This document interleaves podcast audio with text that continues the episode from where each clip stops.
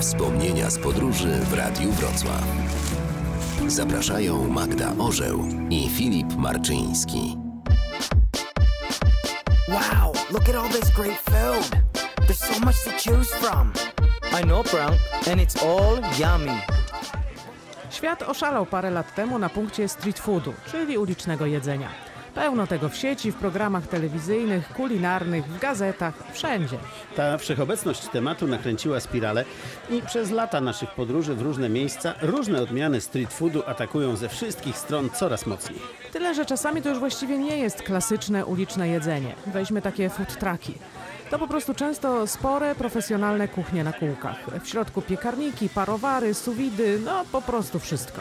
Albo stragany sprzedające różne fajne rzeczy, które powstały gdzieś indziej, czy knajpy z okienkiem na ulicę podające swoje dania ugotowane w restauracyjnej kuchni.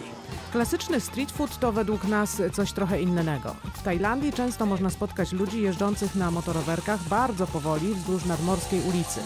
W koszyku mają trochę krewetek, czasem małą rybę. Do motorka przytroczony jest rozżarzony malutki grill. Jak pomachać do takiego pana lub pani? Zatrzyma się, szybciutko rozdmucha węgiel, dogadujemy się co do wielkości dania i za parę minut mamy zgrabny szaszłyczek. W boksie mają zwykle tysiące butli, butelek, buteleczek z różnymi sosami. Szybka decyzja i za parę groszy mamy extra lunch. Podobną ofertę można spotkać też na kambodżańskiej plaży, tyle że tam już pieszo, bez motorków. Po filipińskich plażach przechadzają się czasem panowie z plastikowymi wiaderkami pełnymi kolczastych kulek, na które podczas kąpieli w morzu lepiej nie stawać. To są jeżowce. Magda stanęła, nic fajnego. This is a sea urchin, and you can imagine that stepping on one would be no fun.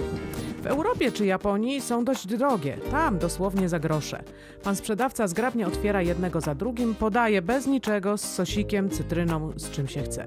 Wyjada się ze środka taką jakby ikropastę. Dobre. Anthony Bourdain w jednym ze swoich filmów zadał sobie pytanie, czy kuchnia któregoś z krajów jest najlepsza na świecie? I odpowiedział natychmiast, tak, kuchnia Indii.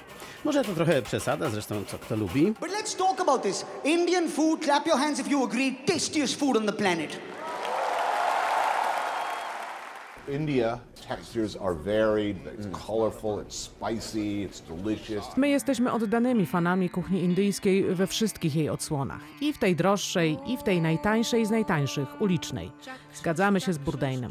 Zresztą pod względem street foodu Azja zdecydowanie bije wszystkie inne rejony na głowę.